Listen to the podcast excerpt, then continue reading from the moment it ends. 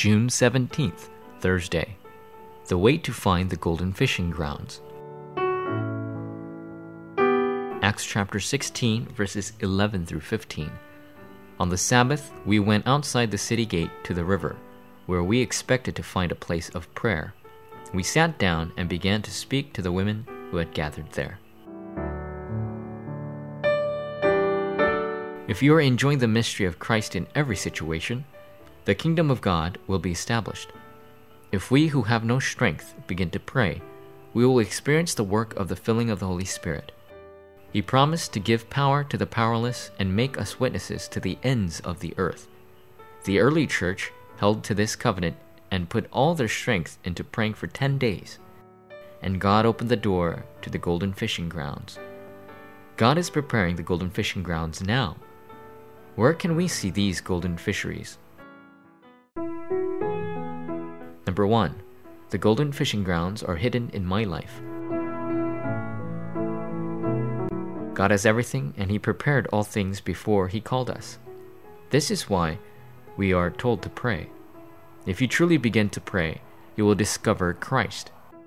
God's kingdom will be manifested if you hold on to the truth through prayer and wait just a little bit. You will confirm the evidences if you cast aside all stumbling blocks of worries and anxieties and start praying. Truth's strength comes from here, and you will be able to see the hidden golden fishing grounds in your life. Number two, the golden fishing grounds are waiting in fields of closed doors. In places of closed paths, the golden fishing grounds are waiting. The night Paul prayed for a closed evangelism door, God showed him the golden fishing grounds. Paul thought the doors were closed, but God prepared Macedonia. We need to get rid of our misconceptions of closed doors. Even if you face problems, if you hold on to the covenant and pray, you will see great golden fishing grounds that have been prepared. Number 3. You will see the golden fishing grounds in small meetings. In Troas, as soon as Paul began to pray, when the doors seemed closed, the doors to Macedonia were opened, and he went to Philippi.